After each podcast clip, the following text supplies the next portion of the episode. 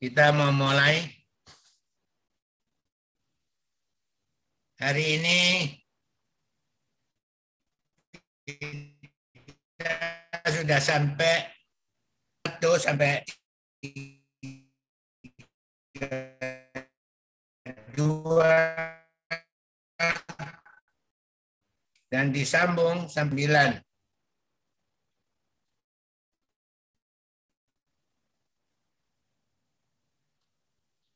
Kejadian pasal 10 ayat 1 sampai 32 disambung kejadian pasal 11 ayat 1 sampai 9.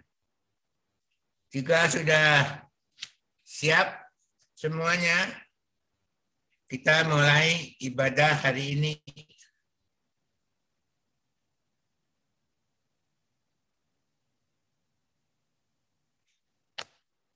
Haleluya. Hari ini adalah kebangkitan Tuhan Yesus dari antara orang mati. Sehingga kami orang-orang percaya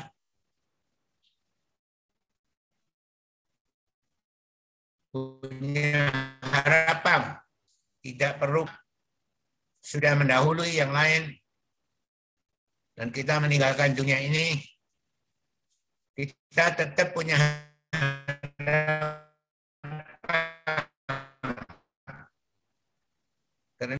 dan diberi tubuh kemuliaan dan hidup kekal selama-lamanya bersama-sama dengan Tuhan Yesus. Yesus berkata di Yohanes pasal 11 ayat 25, Akulah kebangkitan dan hidup. Barang siapa percaya kepadaku, ia akan hidup walaupun ia sudah mati. Jika kita waktu masih hidup, kita masih percaya, percaya kita tidak akan mati, tapi kita akan dibangkitkan dari antara orang mati. Itulah hebatnya kebangkitan Tuhan Yesus. Memberi kita harapan. Oke, kita kembali kepada kejadian pasal 10.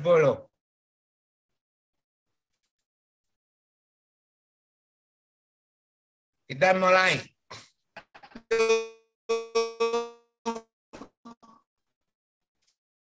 Sampai 32, ayat 1 sampai 9. 2, 3. Inilah keturunan Sem, Ham dan Yafet, anak-anak Nuh. Setelah air bah itu, lahirlah anak-anak lelaki bagi mereka. Keturunan Yafet ialah Gomer, Magot, Madai, Yaman, Yawan, Tuba, Mes Gomer ialah Askenas, Rifat, dan Togarma.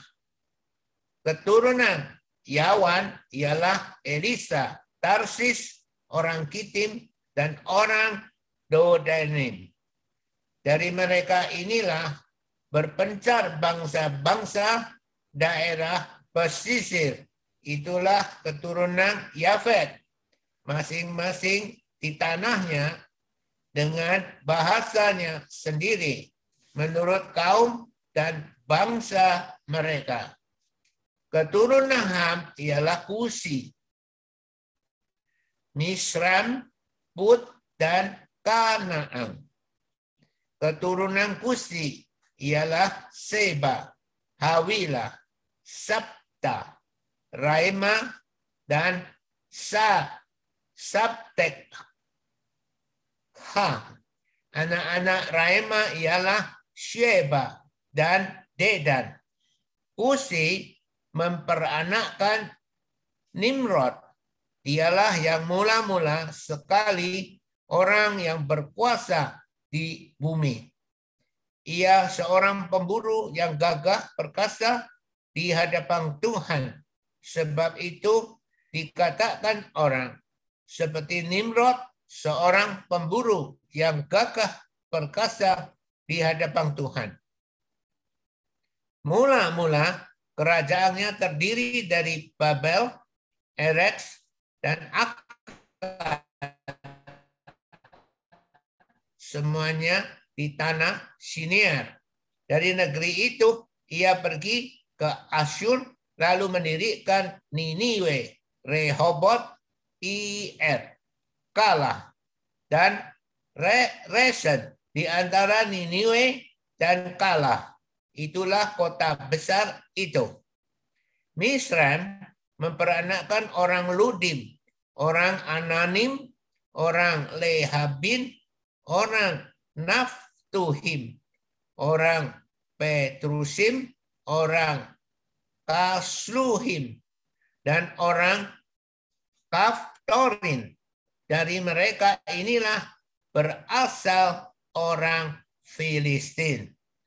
Kanaan memperanakkan Sidon, anak sulungnya, dan Het, serta orang Yebusi, orang Amori, dan orang Girgasi.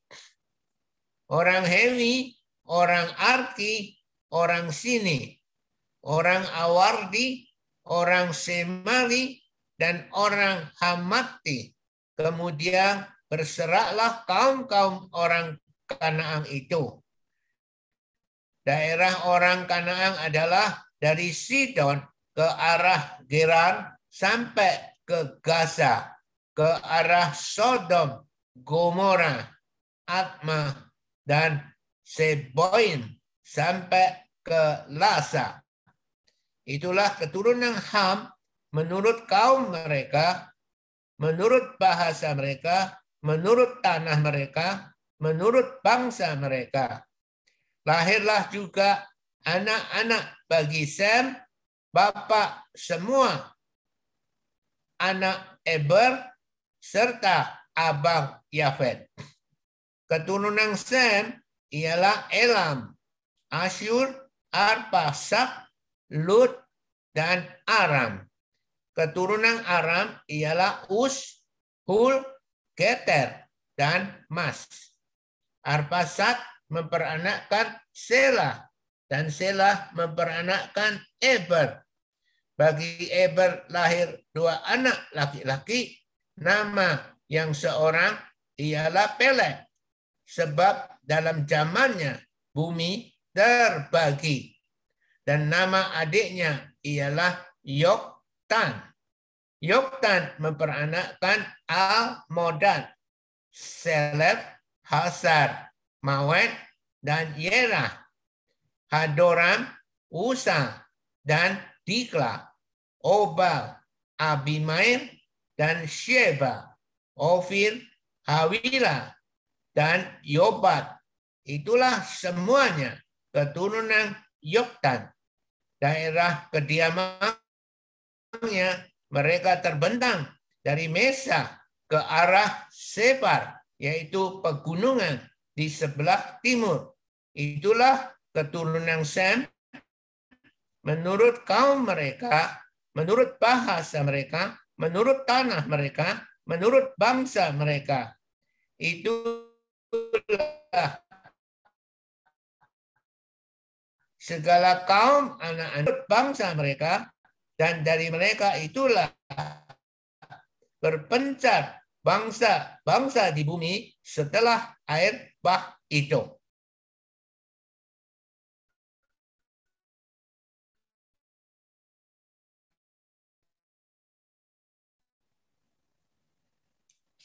Adapun seluruh bumi tongkatnya, maka berampai tanah datar di tanah siniar, lalu menetaplah mereka di sana. Mereka berkata,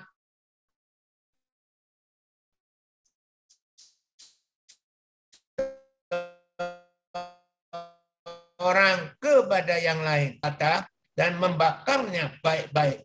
Lalu bata itulah dipakai mereka sebagai batu dan tir gala-gala sebagai tanah liat.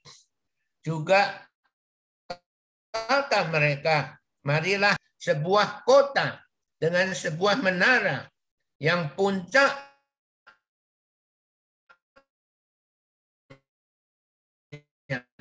sampai ke nah, supaya kita jangan terserak ke seluruh bumi. Lalu turunlah Tuhan untuk melihat kota dan menara yang didirikan oleh anak-anak manusia itu.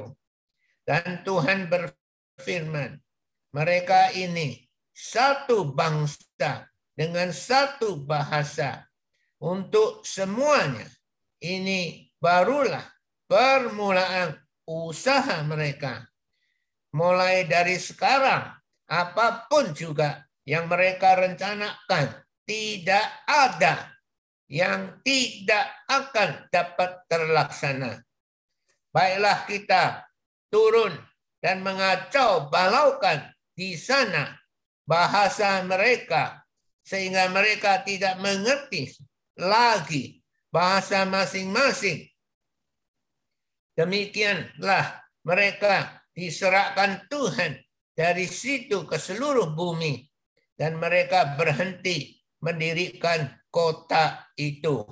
Itulah sebabnya sampai sekarang nama kota itu disebut Babel karena di situlah dikacau balaukan Tuhan bahasa seluruh bumi dan dari situ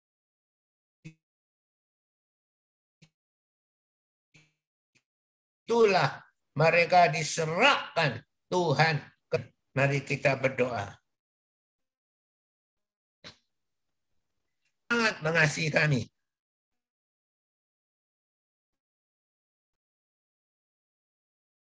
Tuhan kekuatan kebetulan kami. Tuhan kebenaran dan Tuhan sahabat kami. Ya Tuhan pada hari ini, limpahkan belas kasihanmu melimpah-limpah turun atas anak-anakmu.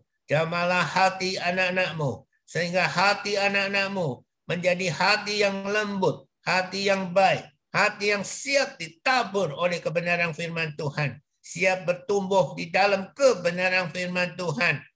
Dan siap berbuah-buah di dalam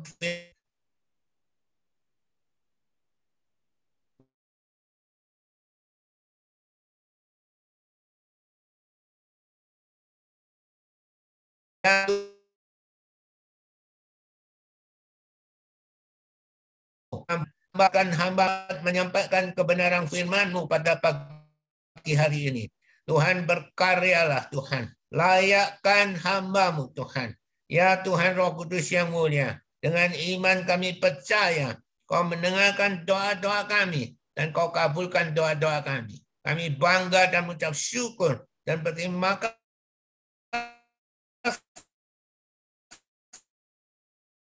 kepadamu Tuhan Roh Kudus yang amin bagi Tuhan. Haleluya. Haleluya. Ya, kita sudah membaca. Tetapi kita membaca satu cerita yang sebenarnya sulit untuk dipahami. Adakah amin? Jadi, mungkin kita lewatkan bacaan-bacaan ini karena kita sungguh tidak tertarik dengan apa yang tertera di dalam Alkitab ini. Tetapi saudara, jika kita mau sungguh rendah hati dan takut akan Tuhan, dan kita mau berdoa, dan Tuhan akan memberikan pewahyuan kepada kita.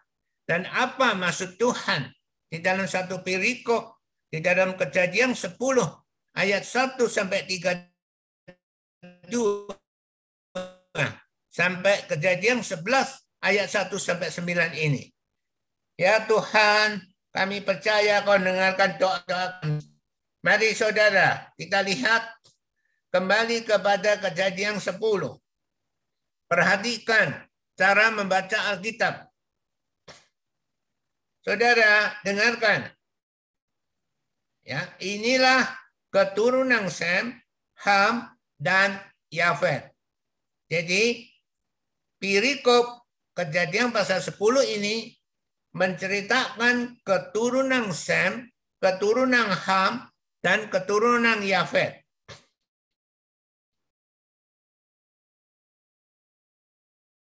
Dan di dalam ayat 2 disebutlah Gomer. Perhatikan. Magot, Madai, Yawan, Tuba, Mesek, dan Tiras.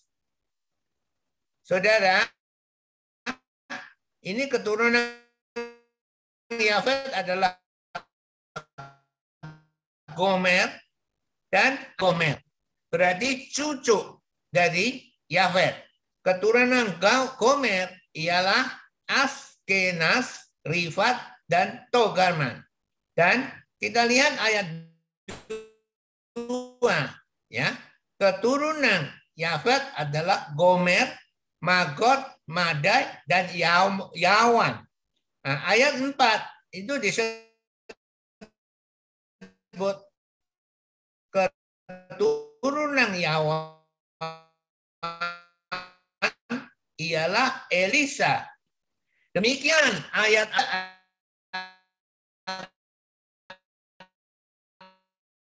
akan mengenang dari Sem, Ham, dan Yafet. Semuanya disebut seperti itu. Dan di sini Tuhan memberi pewahyuan bahwa yang penting itu boleh menjadi ya keturunan dari Sem, Ham, dan Yafet yang tidak tertera di dalam Alkitab ya itu berarti tidak berhak disebut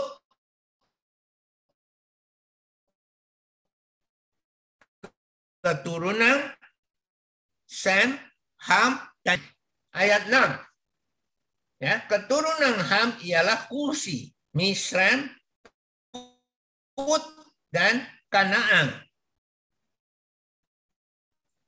Di sini sudah jelas ya, yaitu di Palestina sana yang ramai sekali sampai detik ini. Nah, di sini perhatikan keturunan Ham ialah Kusi. Ayat 7 menyebut keturunan Kusi ialah Seba. Ya. Dan di sini disebut ayat 8 Kusi memperanakkan Nimrod bukannya uh, yaitu uh, Misran, Put, dan Kanaan. Tidak. Dia mempunyai anak laki-laki dan perempuan sebelum Kusi, Misram, Put, dan Kanaan dicatat.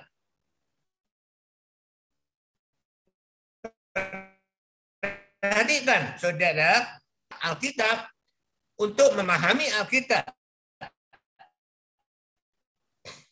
Jadi yang penting saja, ini adalah pewahyuan yang Tuhan berikan kepada kita. Demikian, di sini disebut adalah keturunan keturunan uh, Sem ya keturunan Sem ialah Elam Asyur Arpasat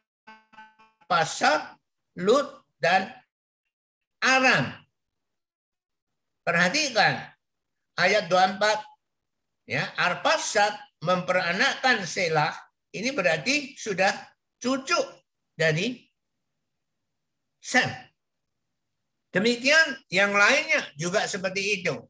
Jadi yang penting yang dicatat di dalam Alkitab. Jadi suruh kita menghafalkan anak-anak mereka tidak mungkin. Tetapi kita hanya menangkap prinsip Tuhan yang penting itu dicatat di dalam Alkitab. Tetapi tidak mengatakan bahwa anak Sem itu adalah Elam saja, Asyur saja, Arpasat saja, Lut, dan Aram saja. Bukan. Mereka mempunyai anak laki-laki dan perempuan, tetapi yang penting, yang bisa dianggap penting untuk menurunkan keturunan dari Sem ialah Arpasat, Elam, Asyur, Arpasat, Lut, dan Aram. Dan untuk meneruskan ke bawahnya, itu juga Arpasat yang disebut dulu, tapi bukan Elam atau Asyur yang disebut. Demikian yang lainnya. Baca Alkitab. Dan kita perhatikan ya di ayat 32 disebut, itulah segala kaum anak-anak Nuh menurut bangsa mereka ya dan dari mereka itulah berpencar bangsa-bangsa di bumi setelah air bah. Ya. Dan kita lihat ayat 31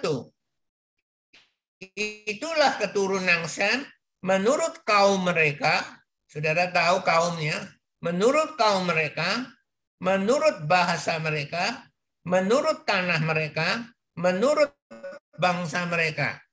Yang saya mau sebut di sini adalah bahasa mereka. Seolah-olah bahasa dari keturunan Sem dan bahasa dari keturunan Ham dan bahasa dari keturunan Yafet itu adalah tidak sama. Bukan, sama. Ya, hanya adalah sama. Kaumnya memang beda, tapi bahasanya sama. Kenapa saya sebut di sini? Karena di dalam kejadian 11, perhatikan, adapun seluruh bumi satu bahasanya. Ini saya mengatakan kenapa bahasa dari keturunan Sam keturunan Ham dan keturunan Yafet adalah sama karena mereka adalah satu ayah. Maka ditegaskan di dalam kejadian 11 ayat 1. Adapun seluruh bumi satu bahasanya dan logatnya. Saudara tahu logat? Ya, logat orang-orang Tegal dan logat dari orang-orang Jogja. Logat orang-orang Solo, logat dari orang-orang Semarang itu beda. Kalau orang Semarang bilang iya, dia bilang bukan iya, he-eh. Ya, kalau orang Semarang logatnya adalah he-eh. Apakah kau betul? He-eh. Tetapi kalau orang Jogja, apakah kau betul? Iya. Tetapi kalau orang Tegal itu agak kagok-kagok. Ya, amin. Jadi itu logat, ya seluruh bumi satu bahasanya dan satu logatnya. Ya. Nah, sekarang kita lihat ayat ayat ini saya menjelaskan itu. Sekarang kita kembali kepada pasal 10 ayat 1 sampai 32. Kelihatannya tadi hanya menceritakan anak ini punya uh, Sam punya anak ini dan anak ini hanya anak yang lain punya anak ini. Jadi kita seolah-olah hanya membaca itu. Tapi tadi kita dapat pewayuhan yang penting bahwa keturunan Sam dan keturunan Yafet dan keturunan Ham ini hanya yang Tuhan diizinkan untuk menjadi ya turun temurun untuk menjadi keturunan turun temurun. Adakah amin? Adakah amin? Jadi sekali lagi ya, jadi itu hanya Gomer, Makot, Madai, Yawan, Tuba, Mesek, dan Tiras. Hanya sekian, bukan. Tetapi Yabet mempunyai anak, anak laki dan perempuan ya, yang lain. Tetapi yang Tuhan anggap penting itu yang diizinkan untuk menjadi turun temurun keturunan turun temurun bagi mereka. sekarang saudara nah, sudah sudah mendapatkan satu pewahyuan. Jadi kejadian pasal 10 itu nah, kelihatannya sangat membosankan.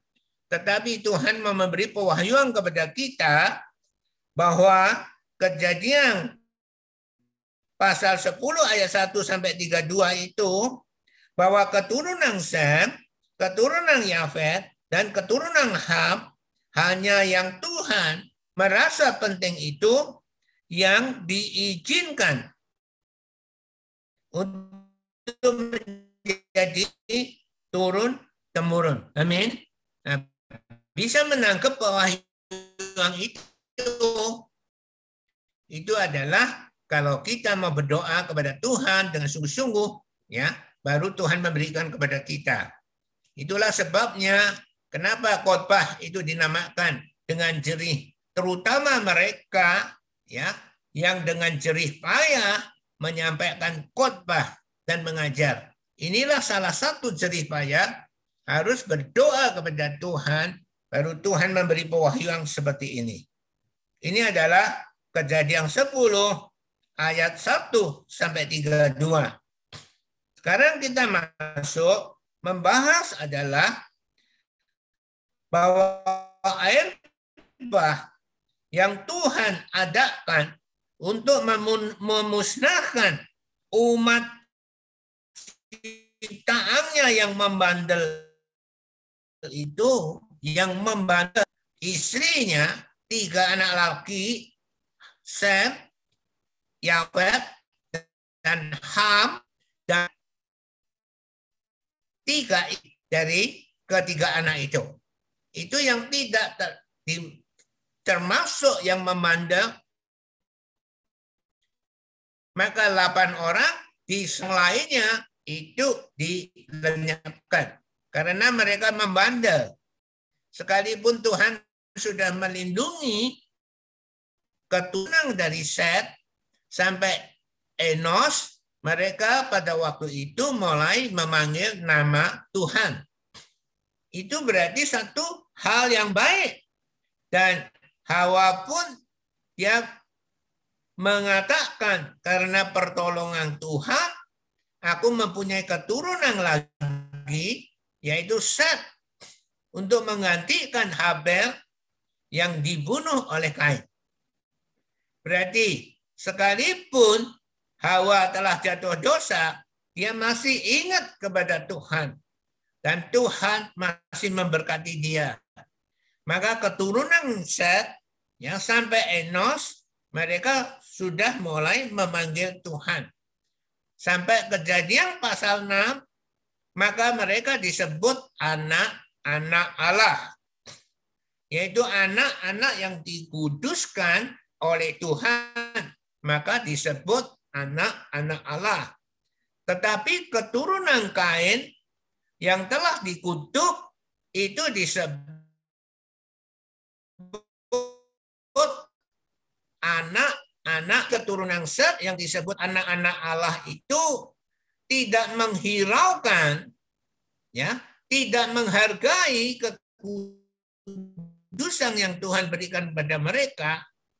Mereka tidak bisa melawan godaan melihat keturunan kain perempuan-perempuan ya keturunan kain yang kemayu kemayu itu yang modern-modern itu mereka tergoda dan lupa kekudusan yang Tuhan berikan kepada mereka. Sedang dari keturunan Set itu juga punya perempuan, perempuan. Tetapi mereka karena takut akan Tuhan, mereka tidak sekemayu. Tidak sekemayu tidak semodern dengan keturunan kain yang terkutuk itu. Sehingga mereka melupakan kekudusan dan mengawini mereka. Sehingga lahirlah anak-anak yang ya sangat tidak normal.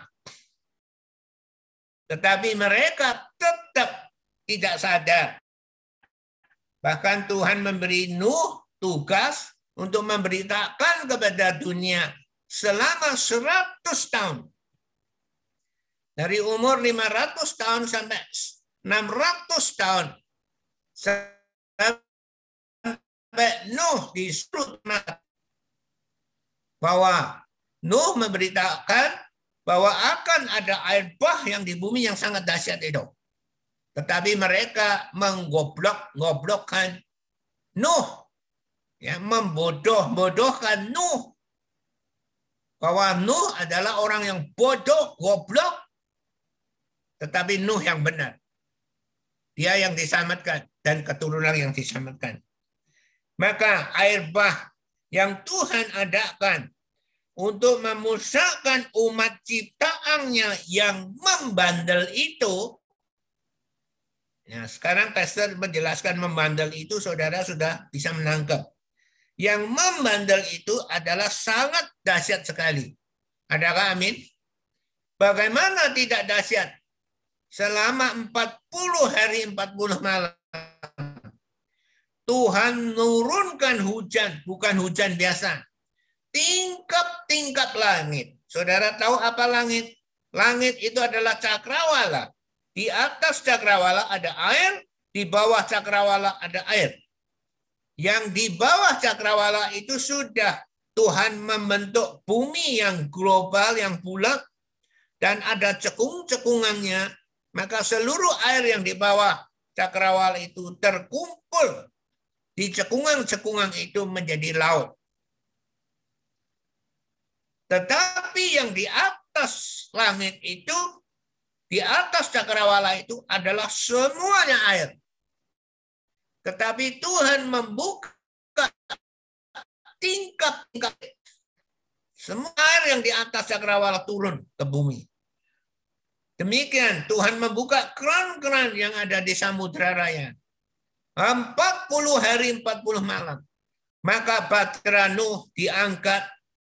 Ya semua gunung-gunung yang tertinggi di dunia ini tenggelam sampai tenggelam kurang lebih 7 meter. Di bawah puncak gunung di bawah air 7 meter. Itu adalah sangat dahsyat sekali. Terus Tuhan menunggu sampai 150 hari. Tuhan ingat mereka. Sehingga Tuhan menghembuskan hembuskan nafas supaya ada angin di bumi. Dan setelah satu tahun, sepuluh hari, air bah itu benar-benar kering. Baru Tuhan mengeluarkan Nuh, istrinya, tiga anak lelaki, dan tiga menantunya. Dan binatang-binatang yang Tuhan bawa masuk ke batra itu. Saudara, ini adalah kejadian yang dahsyat. Ada amin? Saudara lihat hujan deras seperti apa yang di angin topan seperti apa yang sering dimasukkan ke WhatsApp WhatsApp itu tidak mengerikan. Tetapi ketika Tuhan melenyapkan bumi dengan air bah itu sangat mengerikan. Kalau tidak disiapkan batra selama 100 tahun, tidak ada yang selamat. Karena Nuh taat, maka selamatlah. Batra itu dilindungi oleh Tuhan. Maka kejadian yang dahsyat itu seharusnya sangat sulit untuk dilupakan. Adakah seharusnya sangat sulit dilupakan. Ada amin. Orang yang kena dahsyat seperti itu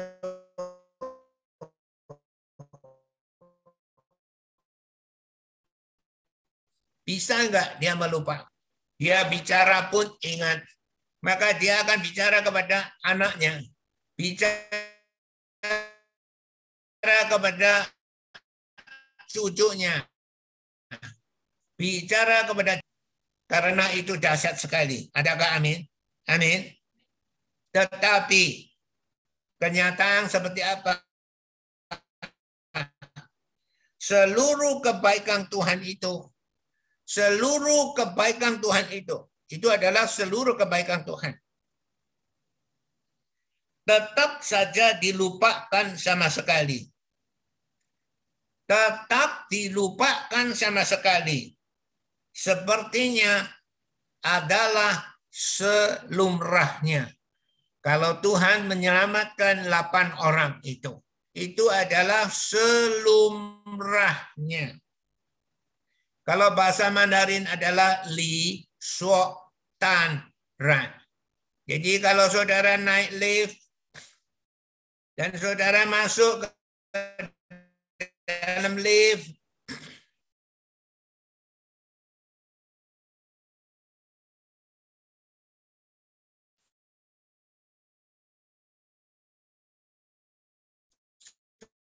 saudara pikir lift itu bisa untuk itu yang dianggap salam yang menekan naik bisa naik dan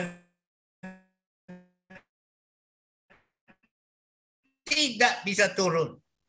Pintu lift, saudara harus biasakan mengucap terima kasih. Thank you. Terima kasih. Matunun. Saudara, tetapi jika saudara menganggap itu adalah selumrahnya, kalau saudara tidak percaya, datang ke Ambarama Plaza, lihat lift itu. Kalau tidak ditekan, bisa naik, kalau tidak ditekan, bisa turun. Saudara, ini adalah li taran. Jadi selumrahnya. Jadi seluruh kebaikan Tuhan yang dahsyat itu adalah seluruh kebaikan Tuhan. Itu hanya dianggap seluruh seluruhnya. Akhirnya mereka malah mendirikan ya menara yang tinggi. Dan di atas itu ditempatkan patung dewa mereka untuk mereka sembah ya dan melupakan seluruh kebaikan Tuhan yang telah dilimpahkan di dalam kehidupan mereka. Kita lihat pasal 11. Adapun seluruh bumi satu bahasanya dan satu lokatnya maka berangkatlah mereka ke sebelah timur dan menyumpai tanah datar di tanah Siniar, lalu menetapkan lalu menetaplah mereka di sana. Mereka berkata seorang kepada yang lain, marilah kita membuat batu bata dan membakarnya baik-baik, berarti bata yang kuat. Lalu bata itulah dipakai mereka sebagai batu dan tir gala-gala sebagai tanah liat. Tir itu adalah salah satu produk dari minyak bumi, dari bumi, yaitu minyak. Dia bisa waktu itu sudah ada tir gala-gala sebagai tanah liat, bukan semen tapi tir. Juga kata mereka, marilah kita dirikan bagi kita sebuah kota dengan sebuah menara. Saudara tahu menara? Ya, yang puncaknya sampai ke langit berarti ini menandakan tinggi sekali. Dan marilah kita cari nama supaya kita jangan terserak ke seluruh bumi. Mereka lupa nama Tuhan, tapi cari nama, yaitu dewa patungnya itu. Lalu turunlah Tuhan untuk melihat kota dan menara yang didirikan oleh anak-anak manusia itu. Dan Tuhan berfirman, mereka itu satu bangsa dan satu bahasa untuk semuanya. Ini barulah permulaan usaha mereka. Mulai dari sekarang, Ini Tuhan menganggap mulai dari sekarang apa pun juga yang mereka rencanakan tidak ada. Perhatikan, tidak ada ya yang tidak akan dapat terlaksana berarti pasti bisa terlaksana. Baiklah kita, kita adalah majemuk bukan tunggal.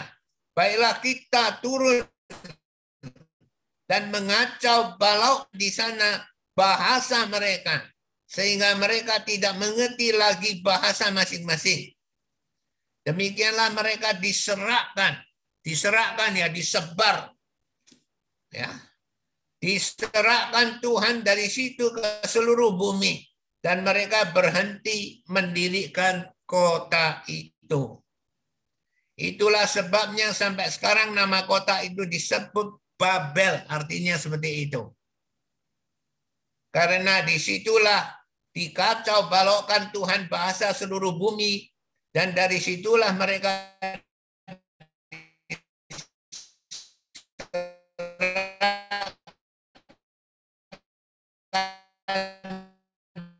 Tuhan ke seluruh bumi. Itulah ada yang diserahkan ke Asia, benua Amerika, Amerika Latin,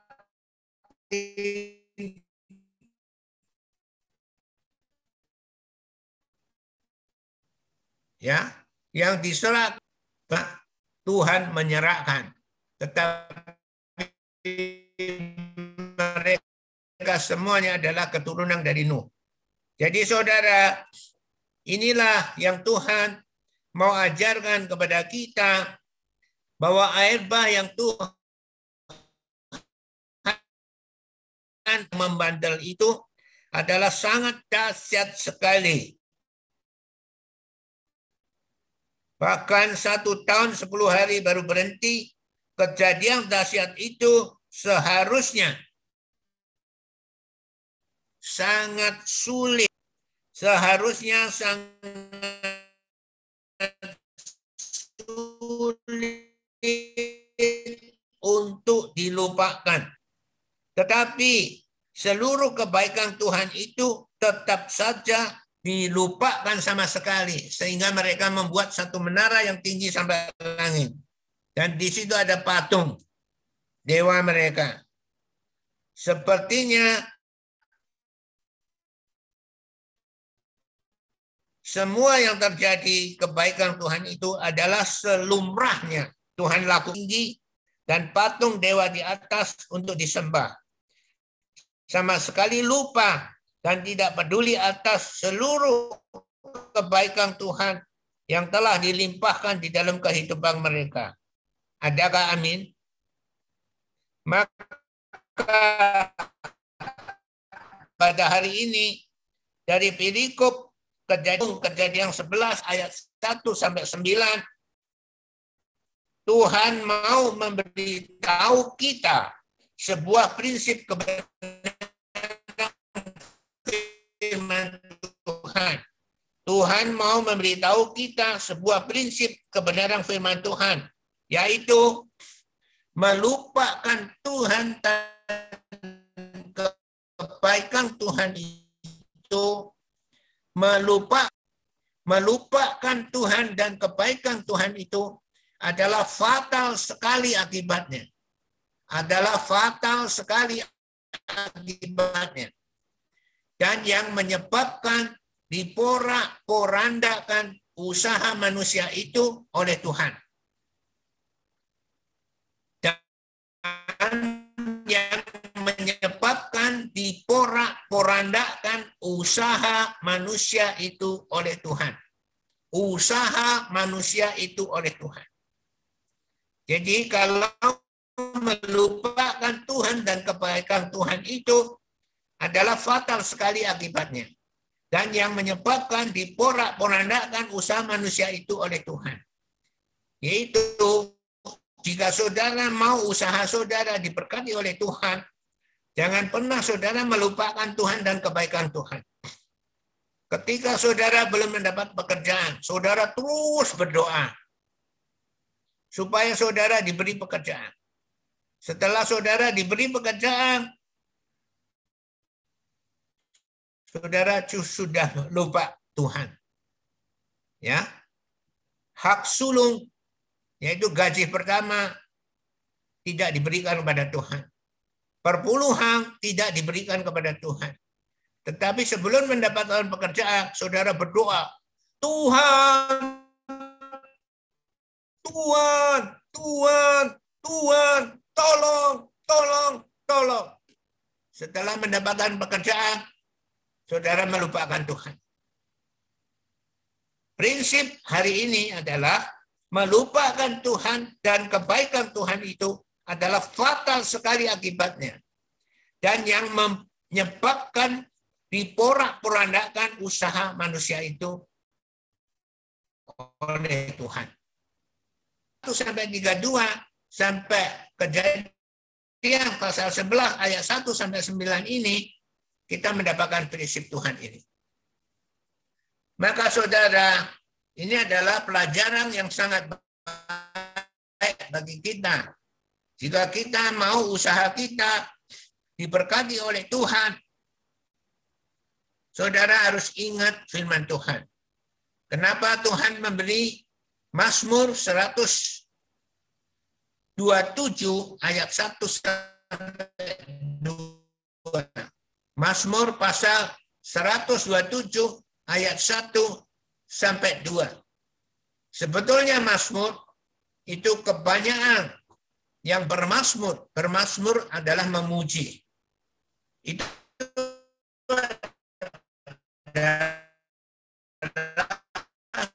dari Daud.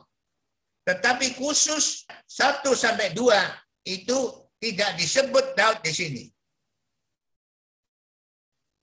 Mari kita lihat Salomo mempunyai hikmat, mempunyai kemampuan Tuhan. 127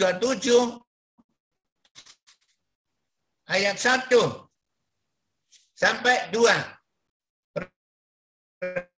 Perhatikan ayat 1 nyanyi. Jadi bukan Daud, ini Salomo. adalah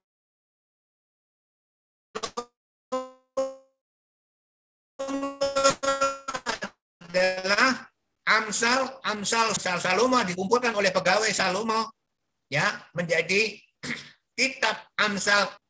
Ini adalah dari Salomo. Berarti ini adalah hikmat dari Tuhan. Salomo yang dapat hikmat dari Tuhan.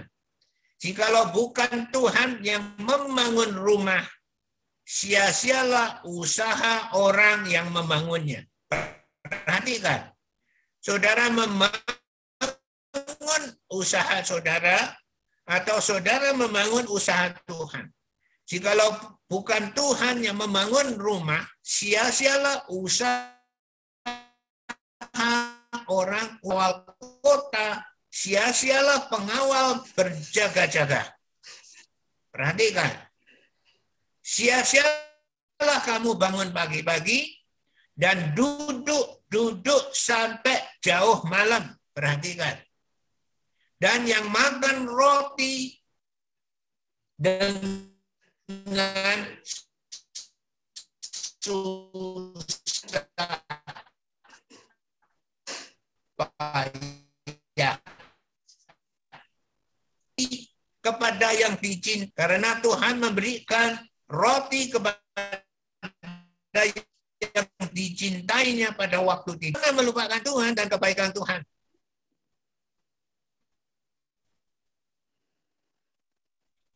Sebab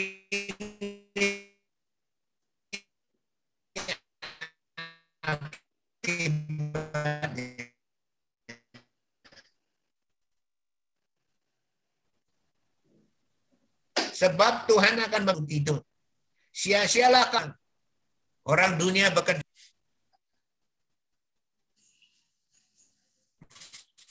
Coba renungkan.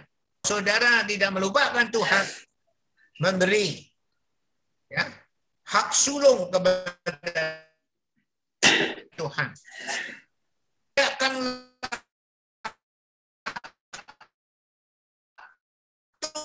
hartamu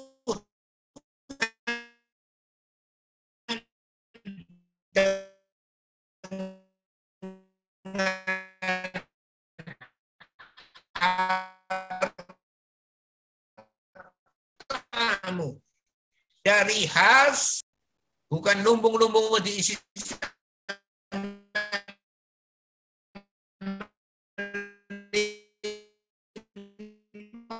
limpah tetapi hatimu akan terus bersuka cita. Western sejak istri dari tahun 75 tanggal 15 bulan Juni ya sampai tahun 97 1997 bulan Juni itu hampir 22 tahun ya. ibu mem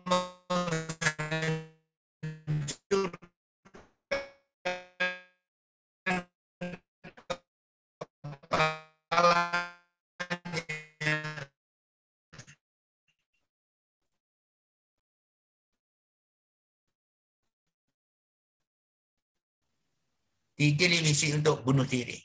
Sedang semuanya punya. Mobil punya, rumah punya, usaha punya, ketenaran punya, anak-anak punya.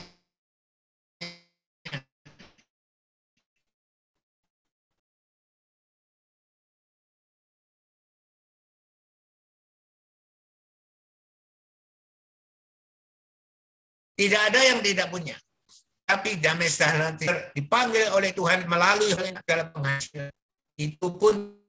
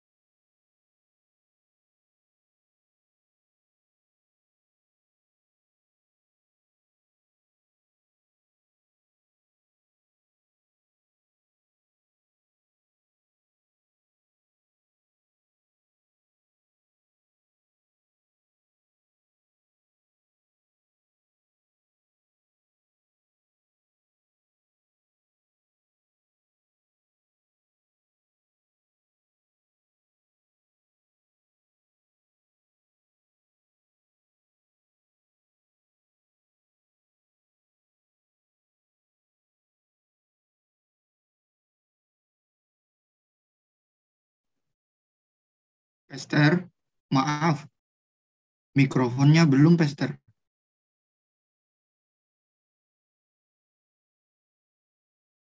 Mikro, mik, mikrofonnya belum nyala. Ya, sudah ya. Dan Pester baru membeli persepuluhan. Tetapi Tuhan mengatakan, ya, Muliakanlah Tuhan dengan hartamu dari hasil pertama dari segala penghasilan. Hasil pertama Pastor diberi ya tiga truk gandeng pesanan yang harga lama yang dari luar negeri yang tidak mungkin diberi karena dolar dari 1.800 menjadi 3.750. Ketika dijual 40 ribu tidak datang, jual 70 ribu tidak datang, dijual 150 ribu, 115 ribu, datang tiga truk gandeng. Tuhan tidak pernah mengingkari janji. Dan baru memberi per sepuluh, tetapi pastor sudah penuh sukacita. Yang tidak bisa berhenti dan di mana-mana terus turun. Ya pegawai pester ada 18 sales promotion girl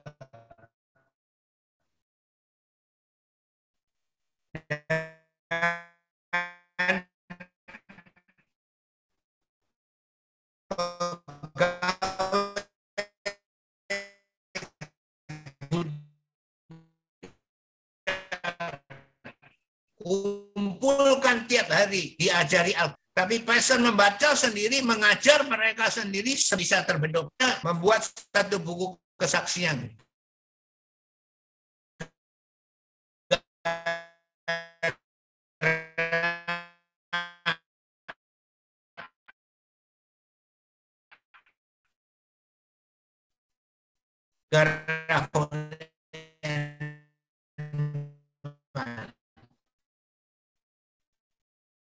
Ketika person mau percaya Tuhan,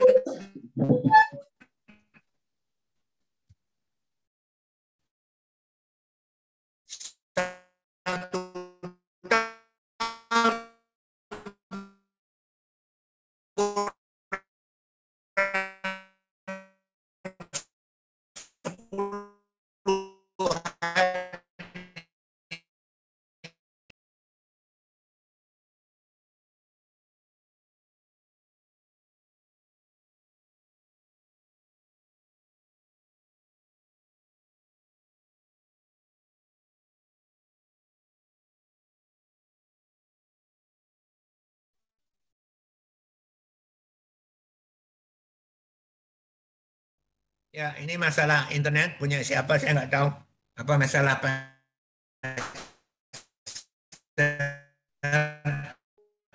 Sepertinya internet pester yang terganggu dari tadi sinyalnya putus-putus. Nggak jelas, Pester. Punya Iren ya? Oh, Iren, punya pester, punya pester. Suara pester yang terganggu dari tadi. Kita tutup doa aja, selesai.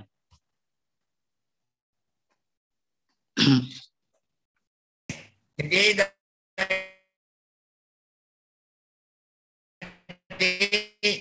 ah ya ayat 1 sampai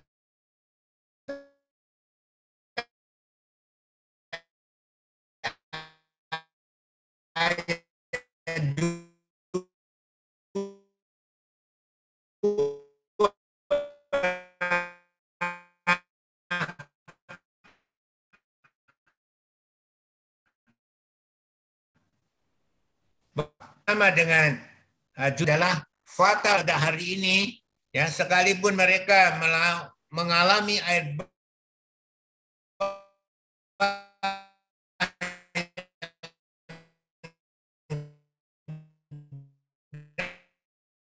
dahsyat sekali tetapkan Tuhan.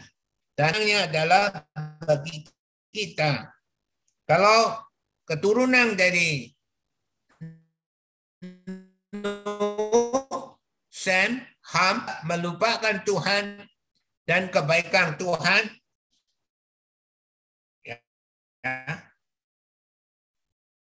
Mereka mendirikan menara. Nah, bagaimana dengan kita kita ini? Bagaimana kita kita ini? Apakah ada satu kejadian yang dahsyat bagi kita ini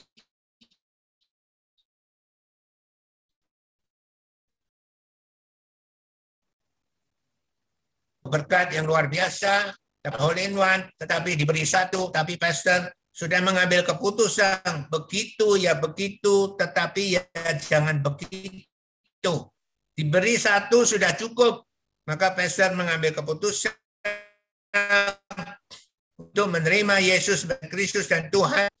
Dan tanpa orang yang suruh pastor ambil keputusan untuk membangunkan anak pastor yang bungsu yang sedang tidur siang untuk bangun untuk mem- untuk membawa pastor kepada kepada untuk dibaptis. Karena pastor hanya mendengar. Kalau percaya Yesus itu dibaptis. Tapi pastor tidak pernah tahu baptisan yang seperti apa. Pastor respon. Ketika dibaptis, pastor ditanya, apakah saudara siap menenggelamkan seluruh dosa saudara di kolam renang ini? Waktu itu di Hotel Promnik di kota Yogyakarta.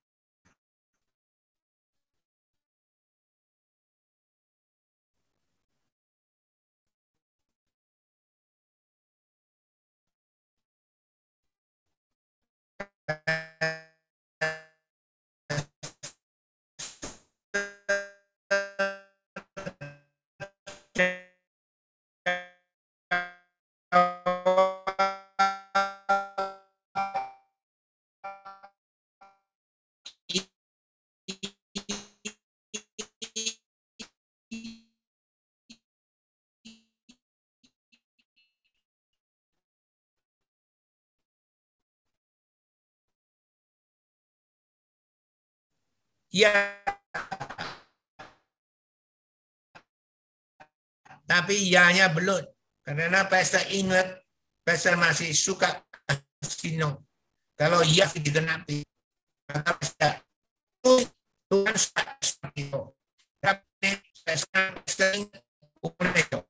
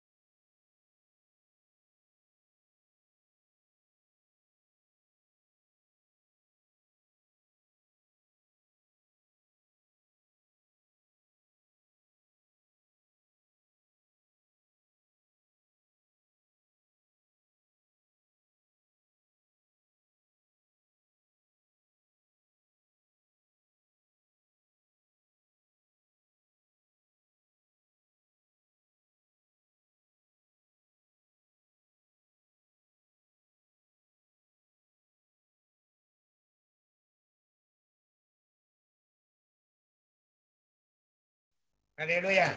Ya, tapi di dalam kehidupan saudara,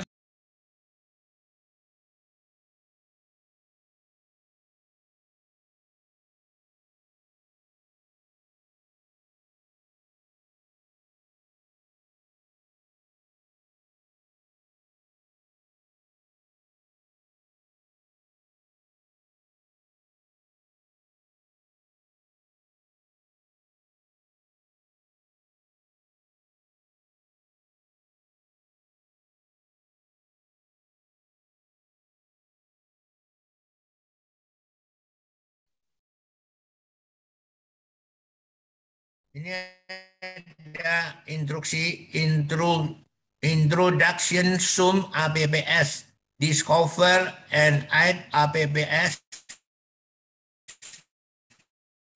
to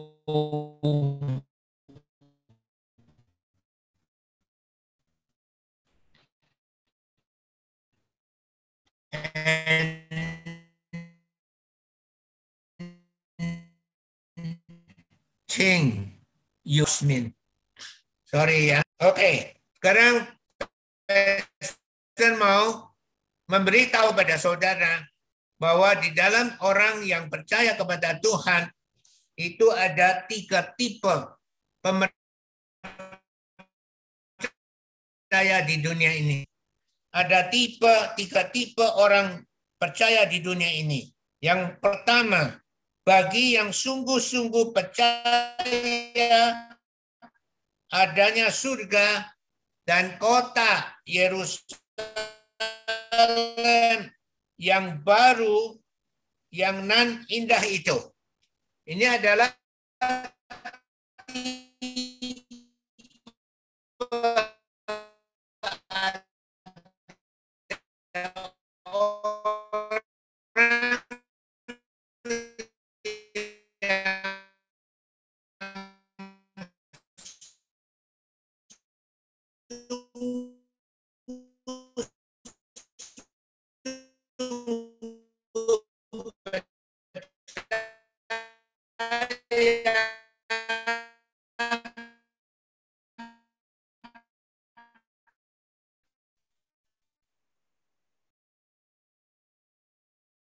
bahwa adanya surga yang baru dan kota yang pertama.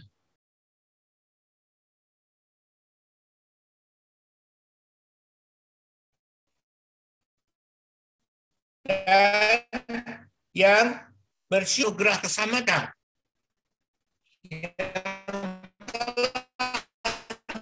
Yang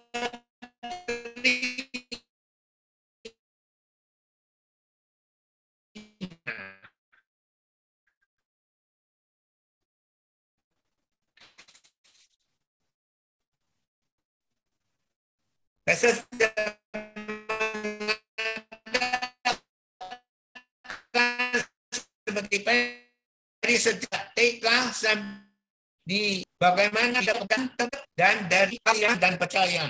Dan seterusnya dibimbing sampai detik ini. Bahwa mertua Pester yaitu panggil Bobo ketika sudah ikut puluhan tahun beribadah setiap minggunya dengan Pester dan yaitu Ibu Priscilla tapi selama ini tidak pernah sungguh-sungguh percaya akan mengatakan bahwa tidak dan akhirnya setelah 90 tahun dia sakit keras setelah diulang tahunkan oleh anak cucu dan termasuk empat anak pastor dan semua orang. Setelah itu, setelah diperayakan ulang tahun, dan akhirnya sakit. Ketika sakit, itu pastor menganggap bahwa itu sangat bahaya sekali. Dan apakah mertua pastor yaitu Bobo bisa menerima Yesus? Pastor adalah teka-teki. Tetapi toh akhirnya dia percaya. Dan dia bisa dipakai Roh Kudus. Dan setelah dipakai Roh Kudus dia punya kekuatan setiap malam datang ke mall. Untuk ngajak anaknya, cucunya, cucu menantunya untuk kedatang ke mall untuk makan. Setiap hari. Tetapi kakak kandung Pastor sampai detik ini belum bisa percaya. Saudara juga seperti itu. Mungkin saudara-saudara kandung saudara belum percaya. Mungkin orang tua kandung saudara belum percaya.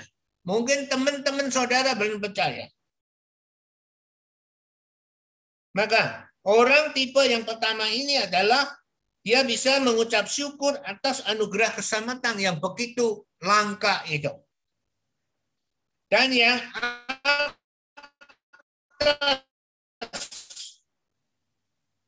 atas keberadaannya yang ada di dunia ini. keberadaannya dia di dalam tubuh Kristus Jogja ini. Yang sungguh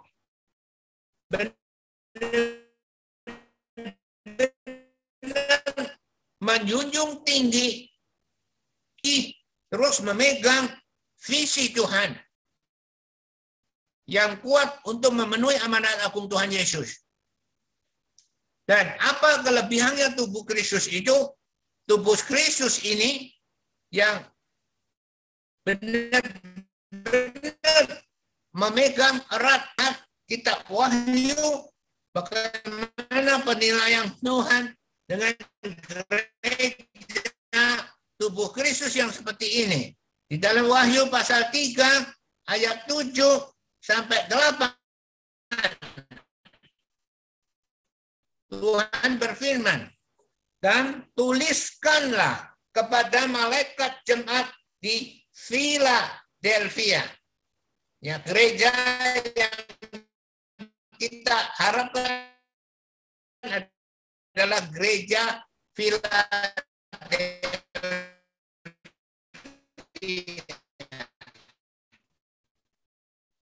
Inilah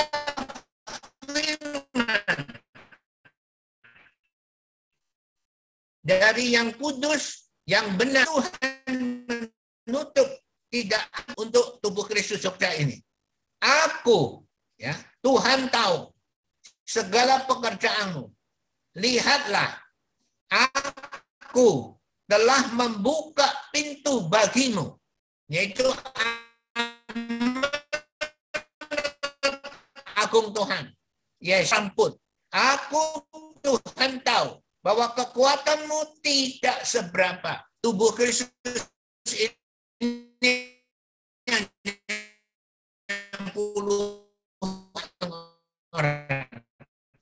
Namun kau tidak menyangka kita tetap mau memenuhi aman agung Tuhan Yesus. Di dalam ayat 10, karena engkau menuruti firmanku Tuhan, untuk tekun tidak jenuh-jenuh. Tekun akan melindungi engkau dari hari pencobaan yang untuk mencobai mereka yang diam di bumi. Sekarang baru virus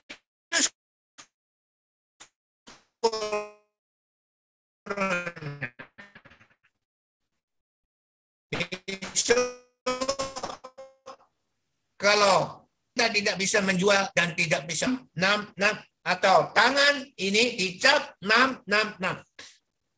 Tetapi tubuh Kristus ini akan dilindungi tiga setengah tahun oleh Tuhan.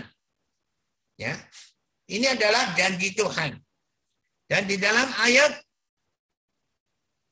11 sampai 12 Tuhan terus berfirman, Aku Tuhan datang segera. Peganglah apa yang ada padamu. Ya, peganglah amanat agung yang ada padamu. Supaya tidak seorang pun mengambil mahkotamu. Barang siapa menang, ia akan ku Tuhan jadikan soko guru di dalam bait suci Allahku. Menjadi soko guru dan ia tidak akan keluar lagi dari situ menjadi soko guru di bait Allah. Dan padanya akan ku Tuhan tuliskan nama Allahku, nama kota Allahku, yaitu Yerusalem baru, yang turun dari surga, dari Allahku, dan namaku Yesus yang baru.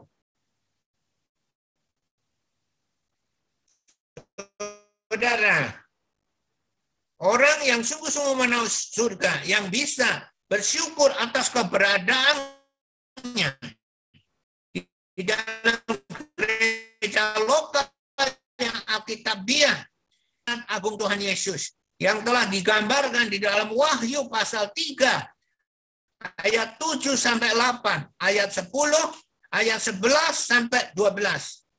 Dan bandingkan dengan amanat agung pasal 28 ayat 18 sampai 20. Tuhan berfirman di situ.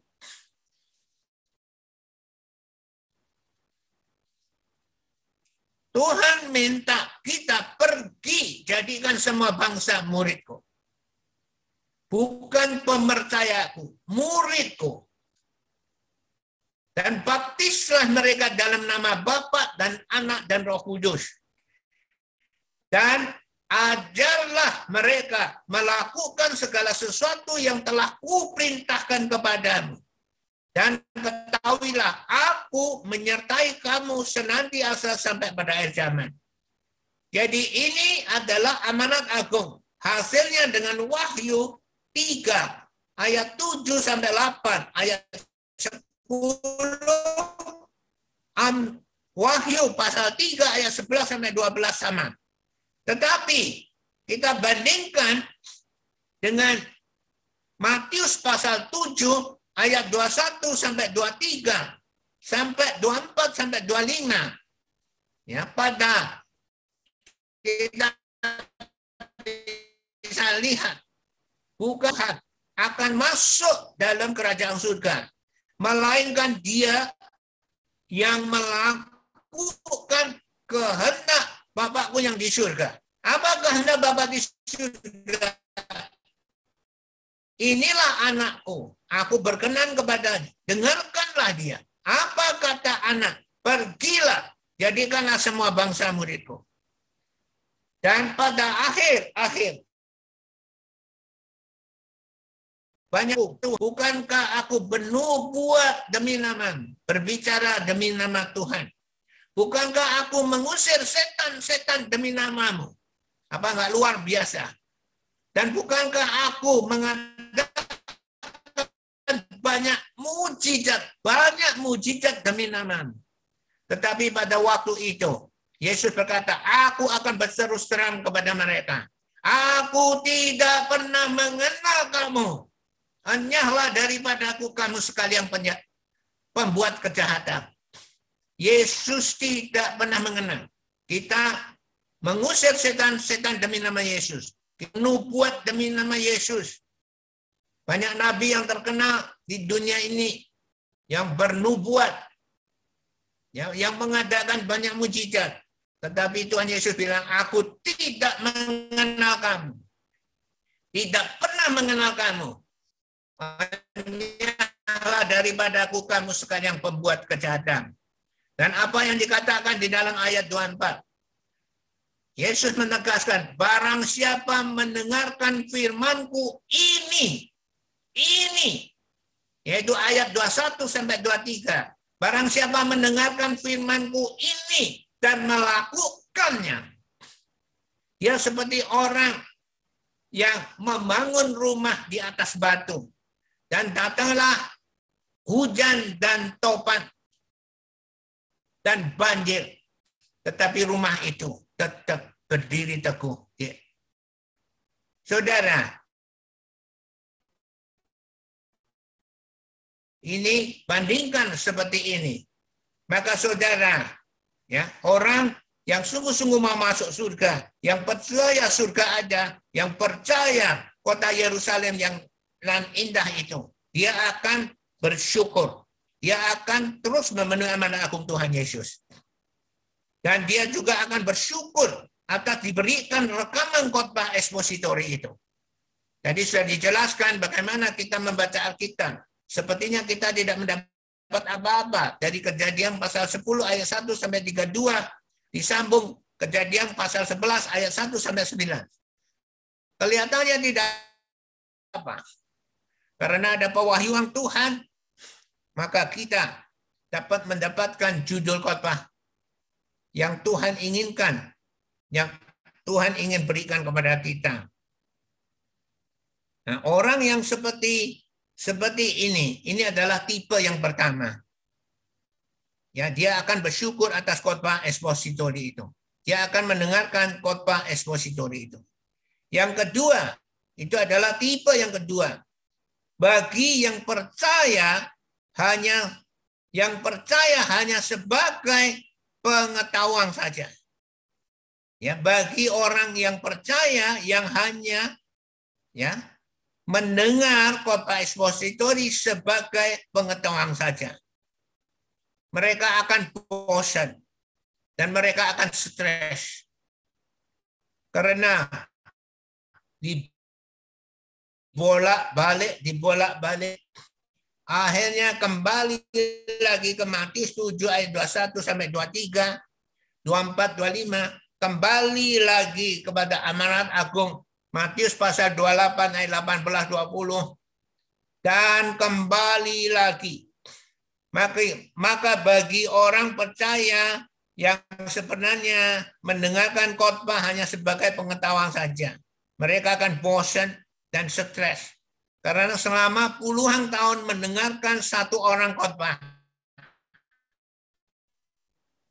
Bukan berbagai orang khotbah, tetapi seorang. Sekalipun tiap minggu berbeda, tetapi inti pokoknya kembali ke situ. Maka tipe orang yang seperti ini yang hanya sebagai pengetahuan saja, mereka akan bosan dan stres. Kenapa? Karena di sekelilingnya tidak seketat pengajaran yang ada di tubuh Kristus ini. Mereka tidak seketat.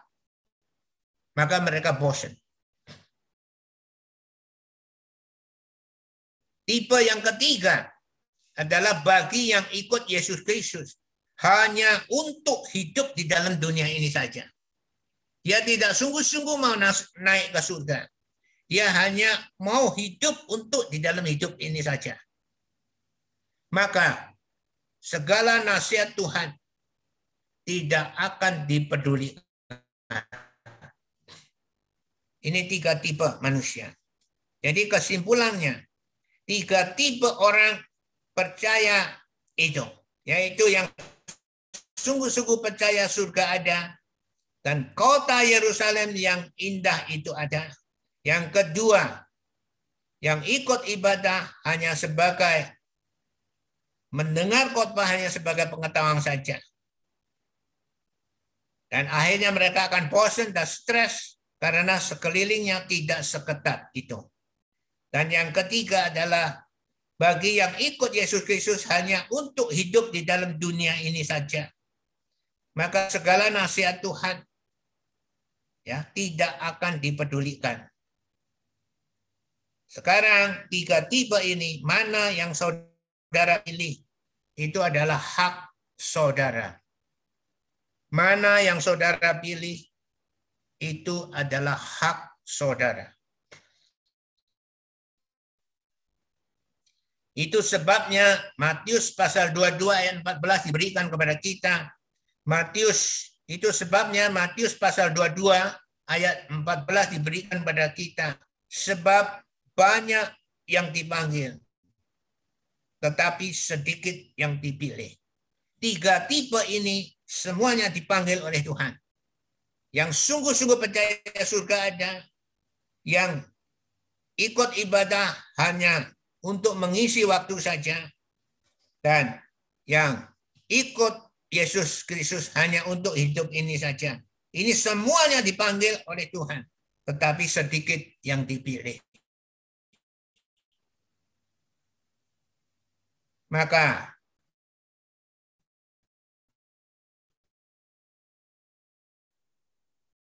itu adalah hak saudara.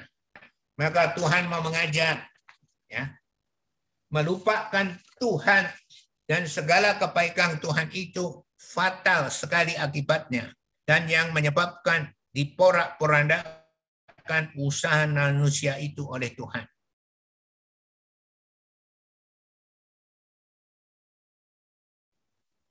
Dan nasihat Tuhan telah memilih. Mari kita tutup khotbah hari ini. Ya Tuhan Roh Kudus yang mulia, yang sangat mengasihi kami. Ya Tuhan inilah anak-anakmu yang dengan jerih payah kau telah topang anak-anakmu ini sampai detik ini. Dan semua nasihat-nasihat Tuhan dari kitab demi kitab telah disampaikan kepada anak-anakmu dan kejelasan-kejelasan kitab demi kitab telah disampaikan kepada anak-anakmu. Ya Tuhan, biarlah kau yang menyama anak-anakmu ini. Kami berdoa Tuhan, bahwa semua yang dipanggil olehmu di tubuh Kristus ini benar-benar semuanya dipilih olehmu. Bukan hanya dipanggil saja. Jamah hati anak-anakmu, lembutkan hati anak-anakmu. Sehingga hati anak-anakmu benar-benar menjadi hati yang lembut. Sekalipun anak-anakmu pernah melakukan kesalahan-kesalahan karena pengajaran-pengajaran yang tidak seimbang sebelumnya atau sesudahnya atau sekarang yang ada di sekeliling mereka ya Tuhan. Seperti Amsal 16 ayat 2, segala jalan orang adalah bersih menurut pandangannya sendiri. Ya Tuhan, biarlah anak-anakmu sekalipun melakukan kesalahan, Amsal 16 ayat 2, menganggap segala jalannya adalah benar, tetapi janganlah kebenaran firman-Mu, Amsal 28 ayat 26, ditimpakan kepada anak-anakmu. Siapa percaya pada hatinya sendiri adalah orang bebal. Janganlah anak-anakmu kau timpakan seperti Amsal 28 ayat 26.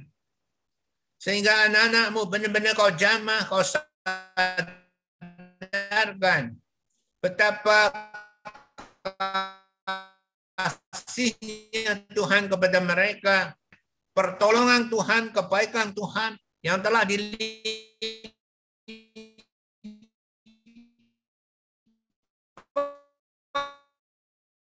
limpahkan di dalam kehidupan. Pernah mendapatkan listrik di kamen telah menerima listrik dari Baap dari ibadahnya sebagai yang bahu saja. Bahkan tanda heran kuasa mujizat telah dialami. Ya Tuhan, bukan hati yang bebal, tetapi hati yang bijak. Siapa percaya pada hatinya sendiri adalah orang bebal. Tetapi siapa yang berlaku dengan bijak akan selamat. Jadikan anak-anakmu mempunyai hati yang bijak. Hati yang bisa dinasihati. Bahwa memang ada tipe, tiga tipe manusia orang percaya di dunia ini. Yang sungguh-sungguh percaya surga ada, yang percaya bahwa kota Yerusalem yang baru, yang nan indah itu tetap akan datang. Dan yang dapat mengucap syukur atas apa yang dan juga ada tiba yang hanya untuk datang untuk sekedar mengisi waktu untuk mendengar sebagai pengetahuan saja dan ada tipe yang benar-benar sungguh-sungguh hanya untuk hidup di dalam dunia ini. Sehingga nasihat Tuhan tidak dipedulikan. Tuhan jamah hati anak-anakmu. Benar-benar sadarkan anak-anakmu. Dan benar-benar anak-anakmu kembali. Benar-benar sungguh-sungguh serius dan percaya ke dengan segala telah membuktikan bahwa Tuhan itu ada. Sehingga anak-anakmu tidak ada alasan tidak mengerti bahwa Tuhan itu sungguh ada. Ya,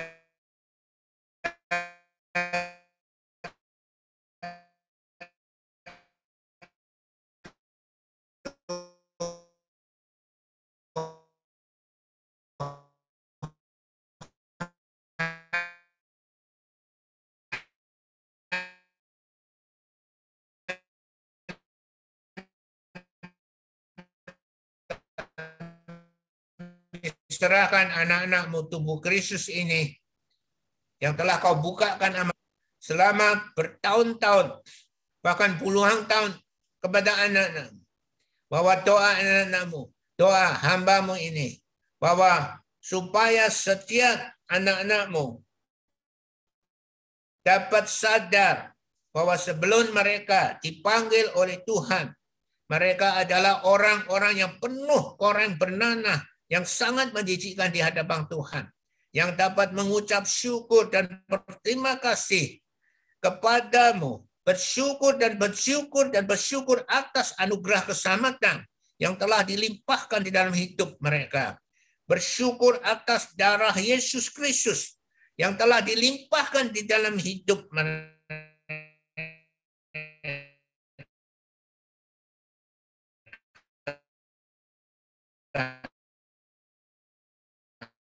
kudus bangsa mereka dapat berterima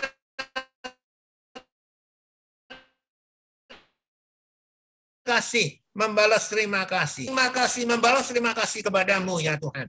Sehingga hidup mereka tidak hidup hanya untuk diri sendiri. Tetapi untuk kerajaanmu. Mereka berfokus pada kerajaanmu. Dan enjoy ya dalam amanat agung Tuhan Yesus. Kau tanam di dalam hidup anak-anakmu. Dan dapat dikembalikan untuk memuliakan namamu. Untuk memperluas kerajaanmu. Untuk membangun gereja. Gereja lokal yang kuat. Di kota-kota besar yang ada di seluruh Indonesia. Bahkan tembus ke dunia. Kami serahkan anak-anakmu ke dalam tangan kasih setiamu. Tidak dalam nama Tuhan Yesus Kristus. Kami sungguh telah berdoa dan mengucap syukur Tuhan Roh Kudus yang mulia. Haleluya. Amin.